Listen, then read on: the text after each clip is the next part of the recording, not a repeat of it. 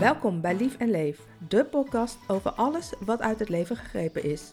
Mijn naam is Jessica, ik ben een doodgewoon mens die buitengewoon nieuwsgierig is naar alles wat het leven te bieden heeft. In Lief en Leef praat ik met mensen over de meest uiteenlopende onderwerpen uit het leven en over lief zijn. Voor elkaar en voor jezelf. Gewoon om van elkaar te leren en om elkaar te inspireren. Welkom bij Lief en Leef. Vandaag in deze aflevering heb ik uh, een gast, Elisabeth. Zij is uh, oprichter van Vorm aan Verlies. En we gaan het hebben over een pittig onderwerp, namelijk zwangerschapsverlies. Een onderwerp uh, dat moeilijk bespreekbaar is, zeker voor degenen die daar ervaring mee hebben. En we hopen met deze podcast dat we dit onderwerp iets meer bespreekbaar kunnen maken. Welkom Elisabeth. Dankjewel. Stel jezelf eens een beetje voor aan ons. Zal ik doen.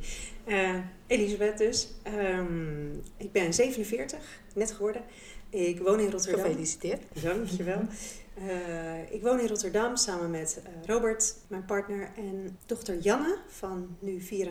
Robert en ik die kennen elkaar 10 jaar, ook dit jaar, dus we hebben jubileum. Oh, nou ja. gefeliciteerd ja, nogmaals. Bijna, bijna. Ja, dat komt. Dat, dat komt. En ehm, september kennen elkaar 10 jaar en we hebben uh, in de wens voor een kind, die uh, ja, al snel ter sprake kwam nadat we elkaar leerden kennen, uh, hebben wij twee keer verlies meegemaakt in de zwangerschap. Uh, ik ben sinds twee jaar, ja, tweeënhalf jaar bijna, vorm aan verlies gestart. Vanuit de behoefte om het, het verlies en ook de gevoelens die daarbij komen bij tegenslag in, in, ja, in je kinderwens en verlies in de zwangerschap, om dat meer bespreekbaar te maken. En wat ik, wat ik doe is um, ja, op allerlei manieren er zelf vorm aan geven. Hè? Dus ik uh, schrijf, uh, ik deel via uh, audio en video mijn ervaringen. Maar met name schrijvend is, mijn, ja, is wel mijn manier. En fotografie. Ik heb zelf heel veel gehad aan in de natuur zijn en beelden zien die je gevoel weerspiegelen. Dat heeft mij heel erg geholpen en ik probeer door daarover te delen, ook andere mensen daarin te, ja, te, te helpen en te begeleiden. Je zei net dat je zelf ook uh, nou ja, die ervaring hebt gehad, een hele vervelende ervaring natuurlijk. Hoe ga je daarmee om? Hmm. Ja, het, um, het verlies wat wij hebben meegemaakt, dat was um, twee keer. Um, en het, het grappige is altijd dat ik er uh, nog steeds bij zeg, ja, het was vroeg in de zwangerschap.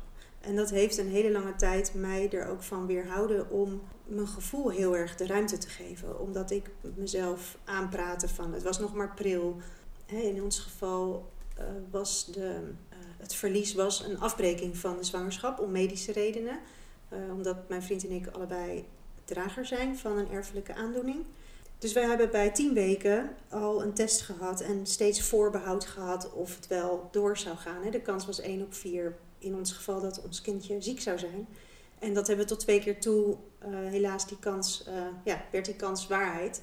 Maar al die redenen waren voor mij een soort manier om een gevoel een soort weg te redeneren. Van ja, we wisten van tevoren dat het misschien fout kon gaan. Het was nog maar zo pril. Je weet nu dat je zwanger kan worden.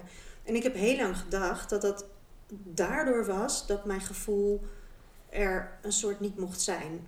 Maar later, toen ik met anderen ging delen, mensen die verder in de zwangerschap verlies hebben meegemaakt, dat, dat, dat die daar ook tegenaan lopen. Van zichzelf, maar ook van anderen. Mensen die zeggen, nou gelukkig heb je het kindje nog niet gekend. Of um, terwijl er een voldragen uh, kindje overleden is.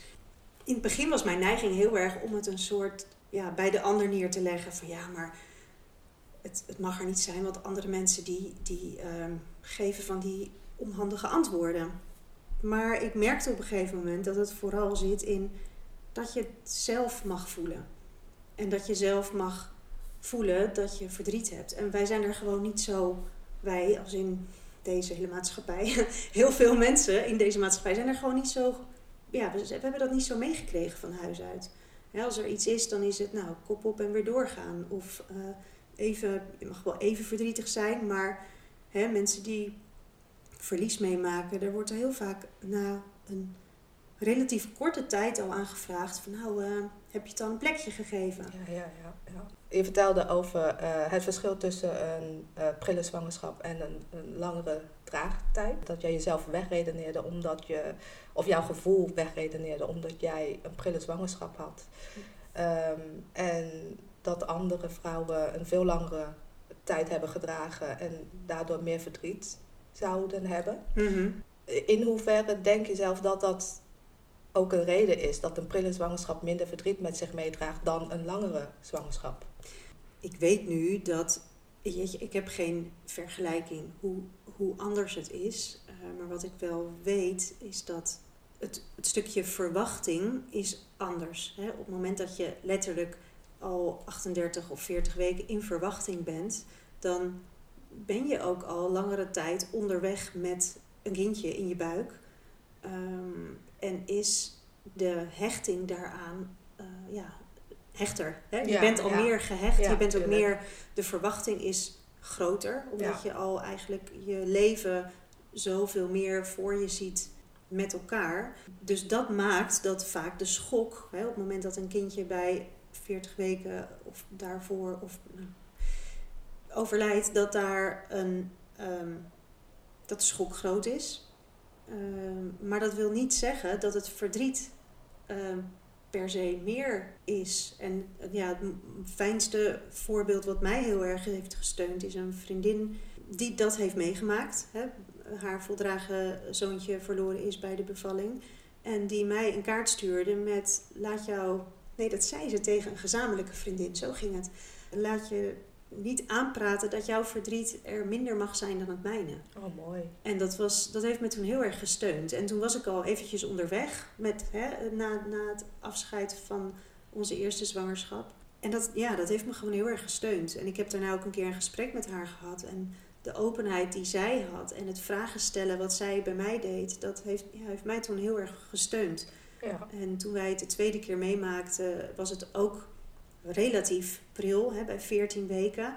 Maar tegelijkertijd, het was een kindje in wording. Hè? Eh, het, het alles zit erop en eraan. En want ik denk uiteindelijk dat het verdriet puur te maken heeft met hoe graag iemand uh, een kind wil om voor te zorgen. Hè? Op het moment dat je uh, al drie jaar bezig bent met IVF, bij wijze van spreken. Hè? Je hebt via het hele medische circuit van alles doorlopen.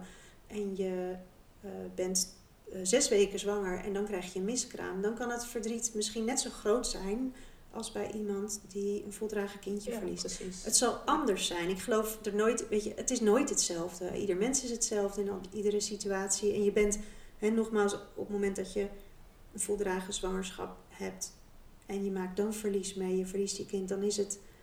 Um, ik, ik kan me zo voorstellen dat je dan het gevoel hebt: ik ben er al bijna, of ik ben er. Hè? Want je gaat er helemaal niet meer vanuit dat er wat mis kan gaan. En tegelijkertijd, je kan voorbehoud houden. Dat heb ik gedaan. Hè? De eerste twee zwangerschappen heb ik echt gedacht... nou, er is een kans van 1 op 4 dat het niet goed gaat. Dus, eh, en er is ook nog kans op miskraam. En er is ook, ik, ik had alle kansen had ik in mijn hoofd. Hè, bij wijze van spreken. Ik rekende mezelf absoluut niet rijk. En toch was ik ontzettend verdrietig. ik was echt... Ja, weet je, je bent je wil gewoon zo graag een kindje om voor te zorgen. Dat op het moment dat het dan niet doorgaat. En dat is wat dan alle vrouwen gemeen hebben die dit verlies meemaken. Dan ben je met lege handen, letterlijk. Hè? Een lege handen en een lege buik. En je, ja, je moet weer verder. Maar ja, het, alles is eigenlijk onzeker op dat moment. En dat maakt het dan ook zo zwaar. Ik heb zelf ook een miskraam gehad, mm -hmm. de eerste.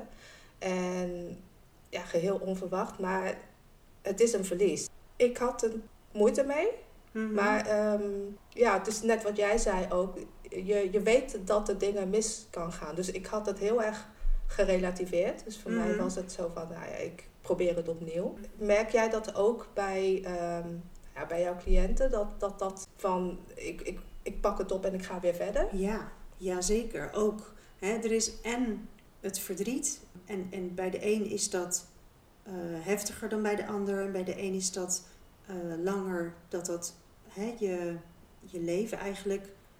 Ja, beheerst is niet het goede woord. Maar dat dat een groter onderdeel is van je leven. En er komt ergens de wens om weer opnieuw zwanger te worden.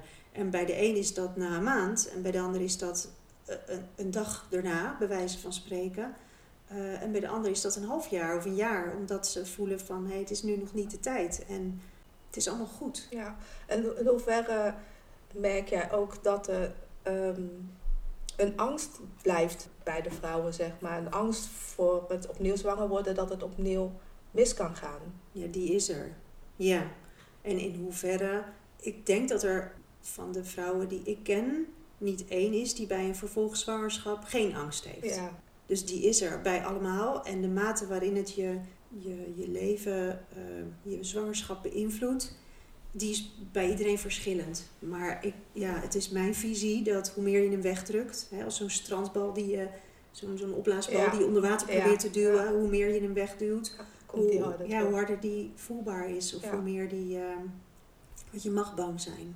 Bij onze zwangerschap van Janne ben ik af en aan um, dan weer.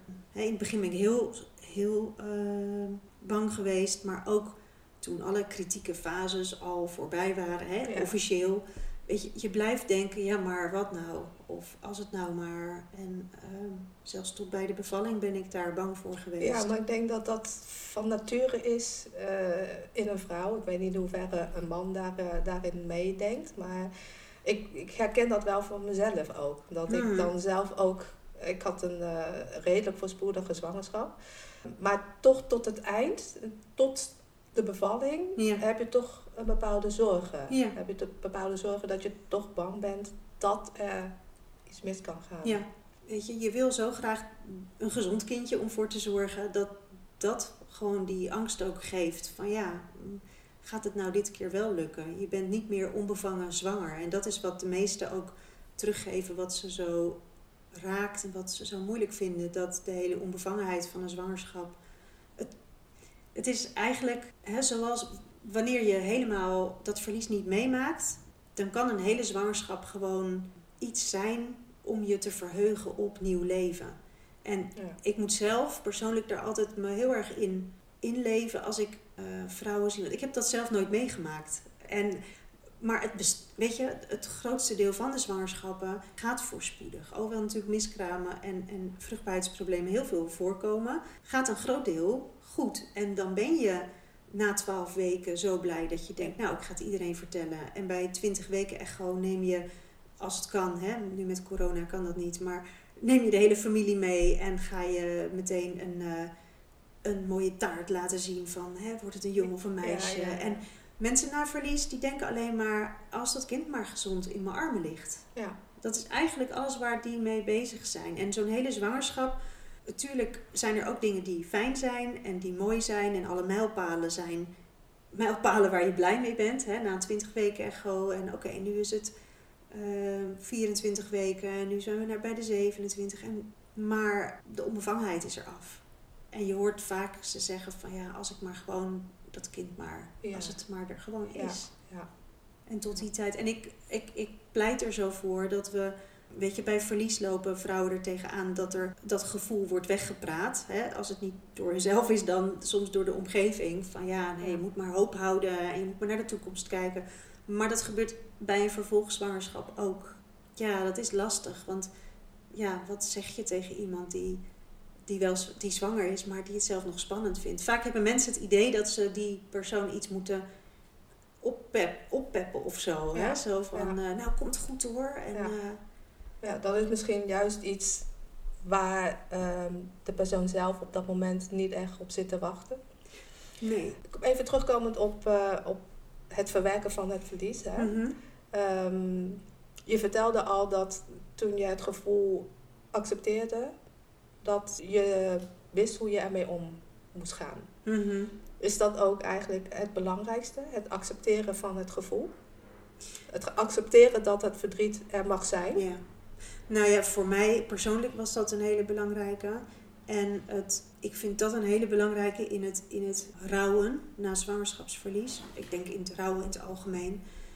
Het is eigenlijk jezelf opnieuw leren kennen na verlies. Hè? Jezelf leren kennen met je gevoelens. En daar, um, je hebt eigenlijk het gevoel wat je, wat je hebt en daar overheen plakken we vaak allerlei gedachten. Waardoor we dat gevoel, uh, ja, weg, nou ja, wat ik al zei, wegredeneren of onder water drukken of proberen er niet te laten zijn. En op het moment dat je het er wel laat zijn, verdriet, maar ook boosheid en ook hoop en verlangen en vertrouwen en blijdschap. Dat, hè, want vaak, um, ik, ik benadruk nu het verdriet, omdat het voor mij iets was wat er niet zo, ja, wat ik heel moeilijk vond om de ruimte te geven. Maar er zijn ook vrouwen die er vooral tegenaan lopen dat ze de liefde voor hun kind zo graag willen delen, ook al is het overleden. Ja. En dat ze graag foto's willen laten zien, maar dat mensen zeggen: Nou, dat, uh, dat, ga ik, dat wil ik niet hoor. Dat ze die liefde niet kunnen delen. Dus het gaat eigenlijk om het voor jezelf mogen hebben van elk gevoel. Ja, maar dat wordt dan vaak een soort van tegengehouden door de omgeving, wat je dan schetst. Dat je dan, uh, hè, wat je zei, dat vrouwen soms gewoon foto's willen delen, um, het verdriet willen delen, maar dat mensen dan zeggen van, nou, ik, ik weet het niet zo, ik hoef het niet zo. Maar dat, dat is dan meer aan de anderen zelf, waardoor, of tenminste, het komt door het oordelen van de buitenwereld, dat de vrouw die het verlies meemaakt, niet dat voor durft uit te komen. Ja, het is natuurlijk gewoon wel een heel heftig verlies. Ik, ik zie vaak als ik mensen vertel wat ik voor werk doe, zie ik ze dus ook fysiek een soort terugdeinzen. He, dat is een soort naar achteren. Ik beweeg nu ook naar achteren, maar dat zie je, dat zie je natuurlijk niet. Heel visueel. Ja, um, dat ze naar achter deinzen. Oeh. Terwijl het ook je gewenste kindje is waar je afscheid van hebt genomen. Waar je ja, misschien wel de naam van wil delen of over wil vertellen. En dat is iets waar Ehm, ja, mensen vinden het verdriet vaak gewoon moeilijk om, te, om in mee te kunnen voelen met een ander. daarom ook die vraag van, heb je het al een plekje gegeven? Of nou, je zal wel zus of zo. Mensen vullen het vaak in voor een ander. Ja. En dat is niet alleen hiermee, dat doen we heel vaak voor met, met alles, hè? Ja. ja. ja. En dat ontdekte ik met name door dit verlies. Dat we dat eigenlijk zo, ook als iemand een... Uh, een baan verliest of een partner verliest. En dan, hè, dus niet per se door, door de dood, maar gewoon door het, door het uh, uit elkaar gaan. Nou, volgende keer beter. Hè? Het is heel vaak van, ja. Ja, dus mensen verwachten eigenlijk dat je daar heel snel overheen uh, gaat stappen of moet stappen, mhm. omdat je verder moet met het leven. Dus zie je ook een verschil tussen het accepteren en dan afsluiten doorgaan? Uh, of het accepteren en het er laten zijn. Mhm. in, in, in welke mate is die verhouding er eigenlijk? Ja, het, het feit als je het op die manier, hè, de tweede manier zoals jij hem beschrijft, als je het op die manier die ruimte het geeft in je leven, dan kan je, dan word je ook niet zo overvallen als je, weet je, op een gegeven moment het verweeft in je leven. Eigenlijk kan je het beter zo zien. Hè? Je hebt ze gebruiken in, in de rouwtheorie nu ook wel een model van een roeiboot. Met de ene riem, dat is de riem van het herstel. En met de andere riem uh, is de riem die de nadruk legt op het verlies. Hè? En op, het, op, het, ja, Wat, je, wat of wie je verloren bent. Okay. En inderdaad, wat jij zegt, vroeger werd er vaak gepraat in fases. Hè? Je bent eerst boos en dan accepteer je het. En dan verweef je uh, het verlies in je leven. En dan ga je door. Ja, dat is mm. de normale fase die mensen kennen of doorgaan. Hè? Precies, ja. ja. En, en voor een deel werkt het ook wel zo. Alleen het, het geeft veel meer ruimte aan, aan de persoon zelf. Als je het ziet als die twee roeispanen. Dat je het ene moment bezig bent met het verlies. En het andere moment met herstel. En dat je ze eigenlijk ook allebei nodig hebt. Ja, om het in balans te brengen. Ja, en, en vaak is het de verwachting van de buitenwereld, maar ja, vaak ook van jezelf als je dat nog niet eerder hebt meegemaakt. Van nou, ik ga er, ik neem er drie weken voor. Ik hoor vrouwen dat soms ook wel zeggen van nou, ik had bedacht, ik ga een maand verdrietig zijn en dan daarna uh, moet het maar weer gaan. Of daarna ga ik mijn werk weer oppakken. En die voorspelling of verwachting, daar, je hebt daar geen controle op. Nee. En je kan er wel in meebewegen van, hè, daarom noem ik het jezelf opnieuw ontdekken naar verlies je kan erin meebewegen en uitvinden wat bij jou past en wat, wat voor jou werkt. Ja, maar je ziet inderdaad uh, dat er mensen zijn die heel krampachtig werken naar een, een herstelperiode. Wat jij zegt, uh, ik geef daar drie weken voor en na mm. drie weken moet ik verder. Komt er dan ook een terugval als ze dat al bereiken? Ja, ik, ik kan er niet zo in algemene termen over praten. Wat dat, wat dat hè, zo van niet vanuit wetenschappelijk bewijs is dit of dit aangetoond. Maar Nee. Ik ervaar wel, de, er is, het gaat altijd met ups en downs. Hè, dus op het moment dat je verwachtingen van herstel van het leven in het algemeen eh, zijn dat het in een rechte lijn omhoog gaat. En dat gebeurt niet, dan eh, weet je, we hebben natuurlijk allemaal verwachtingen. Want we hopen graag, bijvoorbeeld ook van, nou, volgend jaar heb ik misschien wel dat kindje om voor te zorgen. Ja. Of weet je, het heeft ook te maken met dromen. En dat, Ja, dat, hoop. ja, en hoop hebben. Dus het is ook aan de ene kant is het niet, het is niet verkeerd.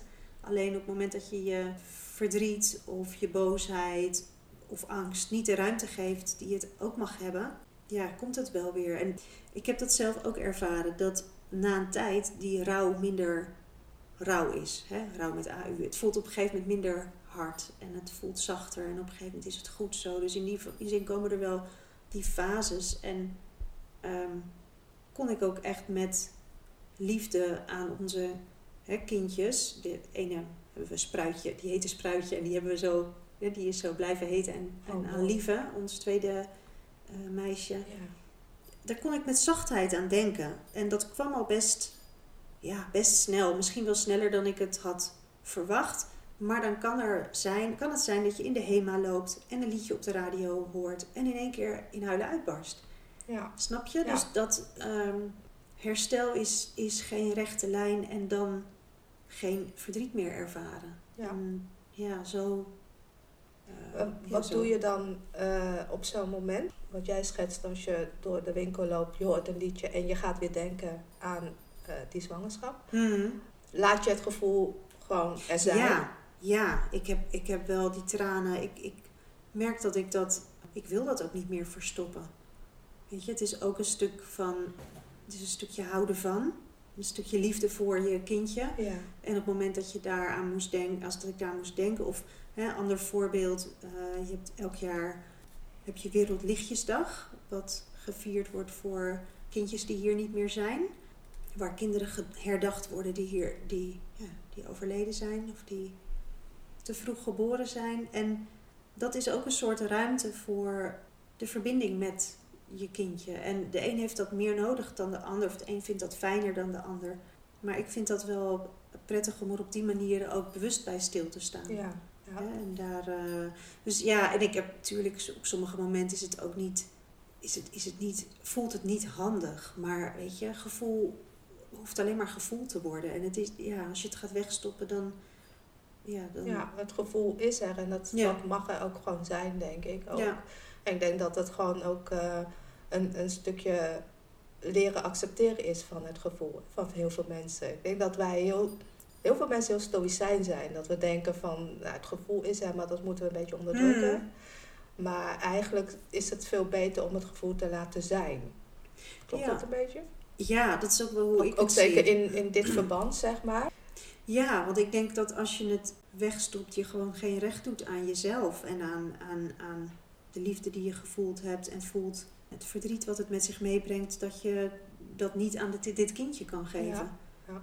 Ehm, kijk, als je nou in zo'n winkel vol schiet of je bent op je werk en je denkt, ja, nu even niet. Weet je, er is natuurlijk niks mis mee als je dan even je, je tranen droogt en denkt, oké, dit gaan we even voor een ander moment eh, bewaren. Ja.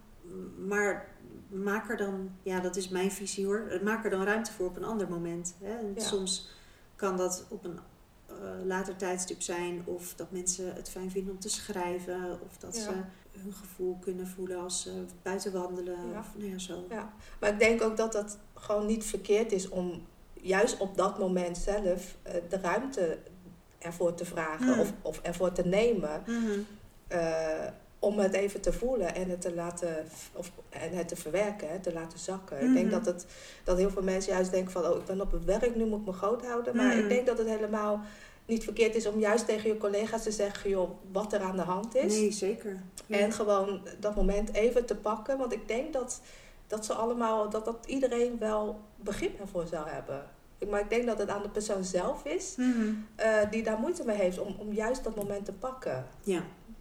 Is, Ja. dat, is dat ook een, eh, ja, eh, eh, het is misschien een aanname van mij, maar Nee, ik maar ervaar het misschien wel een beetje zo. ja. Voor mezelf ook hoor, dat ik dan denk, want als ik zo'n moment heb, Ehm, dat ik dan denk van, ja, nu niet. Maar dat het helemaal niet verkeerd zou zijn dat ik gewoon zeg van ja, maar nu heb ik even dit. Ik, Ja. ik, ik kamp er even mee. Ja. Ik heb even vijf minuutjes, tien minuutjes nodig om, om even bij te komen. Ja, of, of ik wil even, ik ga even een blokje om en is er iemand die mee wil? Of, eh, vaak willen mensen om de persoon die verlies heeft meegemaakt, vaak willen de mensen eromheen ook heel graag wel iets kunnen doen, maar op het moment dat die persoon niet zijn gevoel laat zien, Ja. zijn ze vaak ook eh, terughoudend daarin, omdat je, hè, mensen zeggen ook letterlijk, ja, ik wil je niet verdrietig maken, Nee. dus ik begin er maar niet over. Ja. En als jij zelf wel aangeeft wat je nodig hebt. eh, iemand die, ik, die in mijn netwerk zit, in mijn eh, community, die heeft een soort handleiding geschreven. Van hé, hey, dit is hoe ik graag wil dat jullie met Oh, mij Dat omgaan. is mooi. Ja, en dat klinkt dan heel eh, eh, streng. Zo is het helemaal niet bedoeld van haar. Want ze, ze, heeft gewoon aangegeven: ik vind het fijn als je eh, dit of dit vraagt. Ja, want En- het is ook duidelijk aangegeven wat zij Ja. nodig heeft. Dus dat is, er is helemaal niks mis mee. Nee, exact. niet streng of En er zo, wordt ook heel eh, positief op gereageerd Oh, is door de mensen om haar heen. Dus Eigenlijk is zouden heel- we allemaal zo'n handleiding moeten schrijven voor onszelf. Hè? Ja. We- Dat is een tip, hè? Dat is ja, een tip. precies. Dat is een tip. Handleiding voor jezelf. Ja. We hebben het heel veel over de vrouw zelf gehad, die, Mhm. die een verlies ehm, meemaakt. Ik wil het ook even hebben over de partners daarin, Mhm. want dat is natuurlijk iets van met z'n tweeën. Hè? Dat- hoe gaan de partners met het verdriet om? Mhm. Nou, wat, Wat, ik, jij ziet, wat ja, jouw wat ervaring ik, is. wat ik zie is dat vaders, ehm, eh, mannen die, eh, van wie de vrouw verlies meemaakt, heel betrokken zijn en zich vaak heel machteloos voelen. Omdat ze heel graag iets willen doen. Ehm, kijk, er wordt, er wordt bij gezonde, eh, een, een zwangerschap die goed verloopt, wordt er vaak gezegd van ja, de hechting is vaak pas later, hè, als het kindje geboren Ja. is dan gaat een vader ook echt vader worden. Terwijl een moeder het kind in de buik voelt. ja. En dat verschil, weet je, dat, dat, dat is natuurlijk een feit dat de man het kind niet gedragen heeft. Maar op het moment dat er een afscheid is, en zeker als dat een afscheid is wat, hè, waar- waarbij een kindje ook gewenst was en zichtbaar is dat er een, een bevalling is geweest, hoe vroeg die ook dan Ja. was, hè, en er is afscheid genomen, dan is de man net zo goed vader van een kind wat verlies, Ja, hè, een kind wat Ja. overleden is. En vaders voelen zich over het algemeen heel verantwoordelijk voor hun vrouw. Hè, en eh, willen heel graag dat verlies weg, verdriet wegnemen. Robert en ik hebben dat de eerste keer heel erg zo ervaren. Dat we daar gewoon ook wel in vastliepen. Dat hij, hij kon het niet wegnemen. En dat gaf hem zo'n rot gevoel. Dat hij er ook dan maar van dacht. Ja, nou ja, ik kan er maar beter niet over beginnen. Het was niet een bewuste keuze van hem om er niet over te beginnen. Maar we liepen daar wel een beetje in vast. Want hij, weet je, dan wilde ik praten. En voor hem was verwerken veel meer boven op de computer eh, foto's bewerken. Dat is iets wat, Ja. waar hij er rust van. Hè? Voor een andere man zal dat sporten zijn. Of, of muziek te maken, muziek te luisteren. En ja, heel generaliserend gezegd zijn wij vrouwen praters. En dan loop je er tegenaan dat je wil praten erover. En dat een man denkt, ja, ik kan het niet oplossen. En, en nu? Ons heeft het heel erg geholpen om op een gegeven moment dat verschil ook maar gewoon er te laten zijn. En dat ik zei, ik vind het heel fijn als je naar me luistert.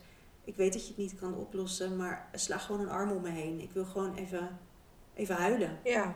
ja. Dat, en Ja. dat, dat, ja, man wil graag gewoon de ander, ja, de vrouw er voor haar zorgen en zorgen dat ze zich goed voelt. En je kan het niet wegnemen. Nee, maar ik denk, is het dan heel belangrijk om juist duidelijk te maken wat ieders behoefte is in Mhm. dit. Want ik denk Ja. dat het, wat jij heel mooi aangaf, is dat je tegen Robert zei van, nou, ik weet dat je het niet kan oplossen, maar sla een arm om me heen. Mhm. Ik denk dat dat een heel belangrijk iets is, dat, dat stellen dat met elkaar gaan eh, communiceren. Dat, Ja. dat, dat de behoefte er is van de ene en van de ander. Ja. En hè, wat jij zei, het accepteren van het is maar zo. Maar heel veel stellen doen dat niet. Die praten niet erover. Nee, dat klopt. En- dat klopt. Ja. Als dat zo, als dat zo blijft dat je die verwachtingen niet uitspreekt, of eigenlijk meer je behoeftes. Hè? Het is de verwachting. Bij verwachting leg je het heel erg bij de ander neer. Hè? Dan zeg je, ja, ik verwacht eigenlijk van jou dat je me steunt. En dan denkt die ander, ja, maar dat doe ik toch? Hè? Ja. Dat soort gesprekken Ja, dat hoor je vaak en dat, die heb ik zelf ook gehad. Ja, maar dat doe ik toch. Ik luister toch naar je. Ja, maar... hmm. Hè, zo, dat kan allerlei vormen natuurlijk hebben in, in, in bewoordingen. Maar op het moment dat je je gevoel uitspreekt van... hé, hey, ik ben verdrietig en ik zou het fijn vinden als je even naar me luistert... of als we samen foto's kijken of wil je even met me mee wandelen... dan doe je een concreet verzoek. En andersom ook, als een man zegt... joh, ik wil eventjes wat tijd voor mezelf... Uh, ik ben met een uurtje weer, uh, weer uh, beneden. Zullen we dan eventjes dit of dat gaan doen? Dat was voor ons een hele fijne. Op het moment dat we elkaar. Dat is eigenlijk ook handleiding leren Ja, kennen. precies, Hè? Elkaars ja. gebruiksaanwijzing een beetje leren kennen. Van oké, hoe doe jij dat? Want ja, dat, leer, dat, dat krijg je er ook niet bij als je elkaar leert kennen. Van oh, hoe ga jij om met rouw? Nee, als je een partner krijgt, Nee, dan dat- zijn dat Niet, de niet dingen de die je- eerste dingen waar je over praat natuurlijk. Nee, en vaak ook niet wat je weet. Weet je, Nee. dat, ja, je loopt daar tegenaan in de loop van je. Je krijgt daarmee te maken Ja. als je al bij elkaar bent. En, eh, Ja, Ja. dus het belangrijkste is gewoon open en eerlijk ook naar elkaar zijn natuurlijk. Ja. En elkaar, eh, met elkaar communiceren. Elkaar duidelijk maken wat, wat elkaars wensen of, of eh, Ja. behoeftes zijn, denk ik. Ja, precies. En, en 99 van de 100, ik heb geen cijfers, maar in heel veel gevallen bedoelen de partners het gewoon goed met elkaar. Maar je ziet wel dat verlies ook wrijving met zich meebrengt, omdat ze elkaars behoeften niet kunnen zien of dat het niet uitgesproken wordt. Ja. En ook mannen vinden het vaak lastig om dat, hè, want ik zei net over hun eh, behoefte om, om het voor de vrouw, hè, om, die, om daarvoor te zorgen en om dat je eigenlijk wil dat het verdriet er niet is en om haar daarin te steunen, dat dat heel lastig is. Maar ze hebben natuurlijk ook hun eigen verdriet. Ik geloof echter in dat heel veel eh, stellen, hè, dat de partners het gewoon goed met elkaar voor hebben. En dat wrijving na verlies gewoon uit onbegrip voortkomt. Dat ze, ze elkaar niet eh, begrijpen, dat ze niet weten wat de ander eigenlijk nodig heeft. Omdat je dit niet meemaakt. Hè? Ja. Je maakt het niet zo mee in je leven. Tot, tot op dat moment dat je, dat je daar tegenaan loopt. En dan kan het ook voor verwijdering zorgen, maar soms ook juist voor dichter bij elkaar. Maar praten is daar echt wel een hele belangrijke in Ja. het zeggen wat je nodig hebt. En ook voor de mannen het durven toelaten van gevoel. Want die zijn natuurlijk ook vaak opgegroeid met, nou ja, wat ik net zei, je moet, de vrouw, ja, je moet er voor de ander zijn, je moet de ander steunen, maar je moet vooral sterk zijn. En ja, je gevoel laten zien is dan, is dan niet hetgene wat je als eerste doet. Dus dan, ja, ook zij kunnen daarin vastlopen. ja, precies. Ik denk dat het voor mannen misschien nog wel iets lastiger eh, Hmm. eh, is dan voor vrouwen. Omdat vrouwen meer het gevoel ook tonen. En mannen het juist eh, in zichzelf eh, ja, opsluiten, zeg maar. ja, Begeleid jij ook mannen in eh, je praktijk? Ehm, nee. Nou ja, soms. indirect. Want ik heb een podcast opgenomen samen met Robert voor Vaderdag. En ik krijg wel terug dat de vrouwen die ik begeleid, die met hun partner luisteren. Of mensen die ik nog niet ken en die dan zeggen, goh, ik heb die podcast geluisterd. Of eh, op Wereldlichtjesdag, eh, dan is Robert er vaak ook bij. We organiseren in de, bij de begraafplaats waar, het is crematorium eh, hier in de regio, waar de as van ons kindje is uitgestrooid.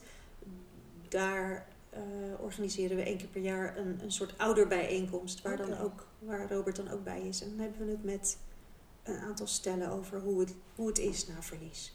Maar wat niet is, kan nog komen. Ik, ehm, ja, en ik ben, ik ben nog. hè, ik ben nu twee jaar bezig met vorm aan verlies. En het letterlijk vormt zich nog steeds. En het is niet iets wat statisch is. En op dit moment vind ik het, het maken van dingen, hè, van audio en video, vind ik heel fijn. Omdat je daarmee ook veel mensen kan bereiken. Ja, en eh, dat, dat, ja, ik vind het gewoon belangrijk dat veel mensen hierin tools krijgen. En zich vaardiger voelen. Ja. Dat, eh, dat hoeft niet altijd in één op één begeleiding. Nee. Wat doe jij zo al met vorm aan verlies?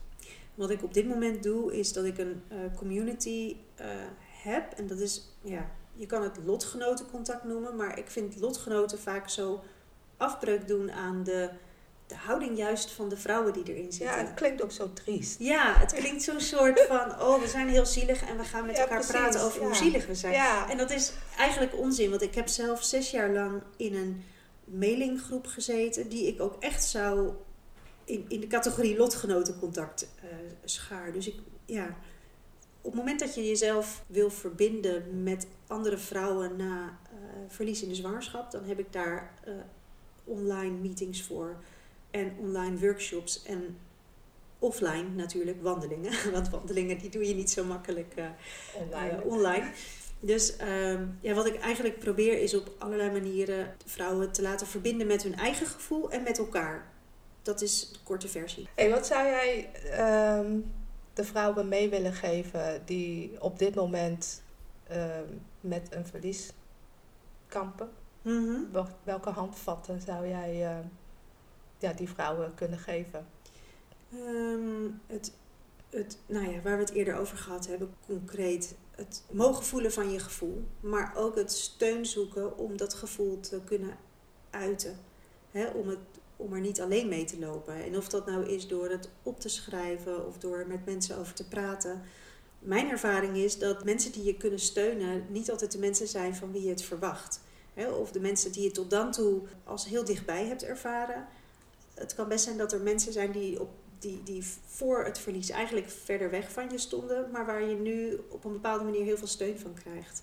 En dan bedoel ik niet per se online uh, contacten met mensen, maar ook op het moment dat je zelf praat over hoe je je voelt, dan komt er uit vaak onverwachte hoek erkenning en herkenning van mensen. Dat is mijn ervaring. Ja, dus het vooral om het gevoel te laten zijn en ook erover te praten en het te uiten. Ja, wat voor tips zou jij uh, de omgeving van zo'n persoon kunnen meegeven? Wat, wat kunnen ze zeggen? Wat kunnen ze doen om uh, ja, hun troost te uiten aan, aan iemand die in hun omgeving een, een zwangerschapsverlies meemaakt? -hmm.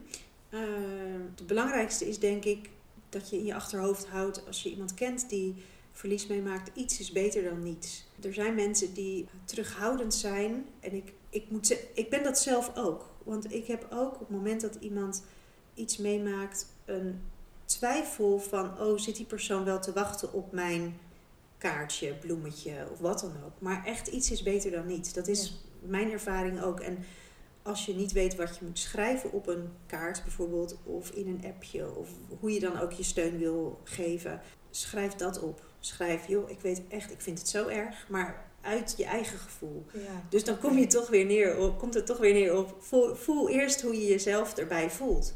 En als dat, heel, ja, als dat heel ongemakkelijk is, voel dat dan eerst. En bedenk van, oh, potverdikkie, ik vind dit heel, ik vind dit heel moeilijk. Want ik, ik weet niet wat ik hiermee kan. En vraag het gewoon. Hè? Als het iemand is die je normaal gesproken ook zou spreken. Hè? Iemand in je vriendenkring die verlies meemaakt uh, die je, waar je normaal mee af zou spreken. Uh, laat dan, ik, ik vond het heel fijn zelf als mensen een soort een lijntje met mij hielden zonder verwachtingen. Dus dat ze niet um, zeiden van nou, ik vind het heel naar, gecondoleerd. Als je er klaar voor bent, hoor ik je wel weer. Ik zeg het even heel zwart-wit, ja, ja, ja, Zo schreven ze dat natuurlijk niet. Maar zo van, nou, als ik, als ik iets voor je kan doen, laat het me weten dat, dat was heel. Dan, dan als je zelf heel erg in de rouw bent, dan, dan is die stap heel lastig om dan hulp te vragen. Ja. Niet bij iedereen, maar het, ja. Volg, weet je, daar, daar is een, een. Je kan daarin een lijntje. Ik voelde, voel, dat voelde als een soort. De deur staat open bij sommige mensen die mij gewoon één keer per week een appje stuurden. Van joh, ik denk aan je. Of. Uh, een kaartje of gewoon een lieve attentie. Ja, precies. Dus de deur open houden voor iemand die dus verlies meemaakt. Het, het continu een, een berichtje achterlaten of laten weten dat, dat, je, dat je aan iemand denkt. Ja. En dat juist op een, een regelmatige basis in plaats van één keer een kaart sturen en dan verwachten dat die persoon tegen die tijd wel eens contact met jou op gaat ja. nemen. Want niet iedereen doet dat. Dat vind ik echt ik, wel Ik denk dat 99% dat niet doet. Nee. Misschien 100% zelfs. Ik weet van mezelf dat als ik ergens mee zit en ik krijg zo'n appje of een kaartje met van... joh, als ik iets voor je kan doen, laat het me maar weten. Dan, Mhm. weet je, als ik een appje krijg, dan zeg ik... oh, lief van je, dankjewel, maar ik zou dat dus niet doen. Nee. En als het concreet is, dan maakt het, dat maakt het anders. Is dat jouw ervaring ook? Als iemand zegt, joh, ik wil, je graag, ik wil er graag voor je zijn...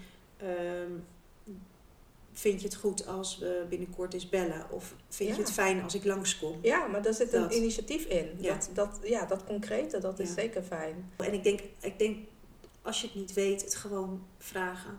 Ja, Ehm. precies. Ook weer het communiceren en laten weten wat je behoeften zijn of wat andere de, de behoeften van iemand anders is.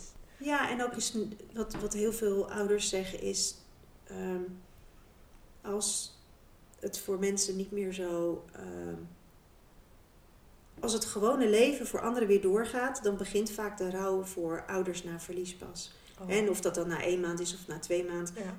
dat, dat, dat is bij iedereen verschillend. Maar er is een moment dat er gewoon dat mensen bijna weer verwachten dat je zegt. Oh, goed hoor. Als mensen dan vragen, alles goed? Of eh, hoe gaat het? Ja. En ehm, ja, mensen verwachten niet als, als jij aan iemand vraagt van hoe gaat het nu met je, dan verwachten inderdaad mensen van dat je gewoon goed zegt. Hmm. Maar ze schrikken vaak als je zegt van nou het gaat niet zo goed. nee. En dan weten ze opeens even niet wat ze moeten zeggen. Nee, precies. Ja. En, en dat dat gewone leven weer doorgaat, ehm, is voor veel ouders kwetsend. En, en die willen heel graag na drie maanden nog praten over hoe de bevalling was van het kindje. Of wat voor.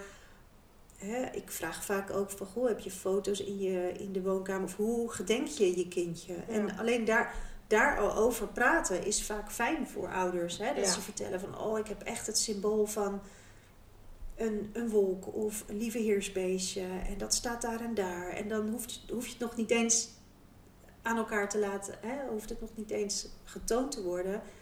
Maar dan kun je wel praten over wat voor jou belangrijk is. Hè? Ja. Mensen na verlies hebben vaak al zo weinig van hun, Ja, van hun kindje. En dan is het eh, fijn om daarover te kunnen praten. Ja, Of te praten over hoe, hoe mooi het eh, was. Hè? Vaak ervaren ouders het als iets heel bijzonders en moois. Ook is het heel verdrietig. Dus ook na wat langere tijd gewoon vragen van hoe gaat het? En ik, ik, doe zelf, ik heb er zelf heel veel aan gehad. En ik doe dat zelf ook bij mensen van wie ik weet dat het heel erg met ups en downs gaat. Om gewoon te vragen, hoe is het vandaag met je? ja, In plaats van, hé, hey, hoe is het? Ja? Want dan, dat is vaak ook heel lastig om aan te geven. ja. Want er is niet, elke dag is anders, soms is elke uur anders. Dus gewoon, hoe gaat het vandaag met je, is ook een hele fijne tip om aan mensen concreter te vragen. Ja, en dan ook echt naar het antwoord te luisteren, Ja, hoe het dan met ja, ze gaat. precies. Dat ja. is ook het belangrijkste om, om inderdaad te luisteren naar Ja. eh, hoe het met mensen gaat. Ja, en daar kan je heel mooi verbinden met de ander. En, en, en ook beseffen, ik denk dat dat een belangrijkste, belangrijke laatste tip is voor de omgeving, dat je het niet kan wegnemen en ook niet hoeft. Dus dat ehm, het belangrijkste wat die ander nodig heeft, is dat zijn verhaal en zijn gevoel, haar gevoel, haar verhaal er mag zijn. Ja, En dat je dus niet als Mooi. omgeving de taak hebt om die ander op te beuren. ja, een hele mooie. Het was een mooi gesprek, Elisabeth. Dankjewel, Jessica. Jij ook bedankt Ja. voor dit mooie gesprek. En ik hoop dat hiermee dat we het onderwerp toch wat meer bespreekbaar kunnen maken voor de mensen die daar eh, behoefte aan hebben. Ja. Want het is een, eh, ja, een, een heftig onderwerp, maar het mag er zijn, want het hoort bij het leven. Exact. Het was een mooi gesprek met Elisabeth. Ik wil haar hierbij nogmaals bedanken voor dit mooie, intense gesprek dat ik met haar heb mogen voeren. Een verlies is altijd zwaar. Maar het komt natuurlijk nog harder aan als het om nieuwe hoop gaat en dat die hoop in rook opgaat.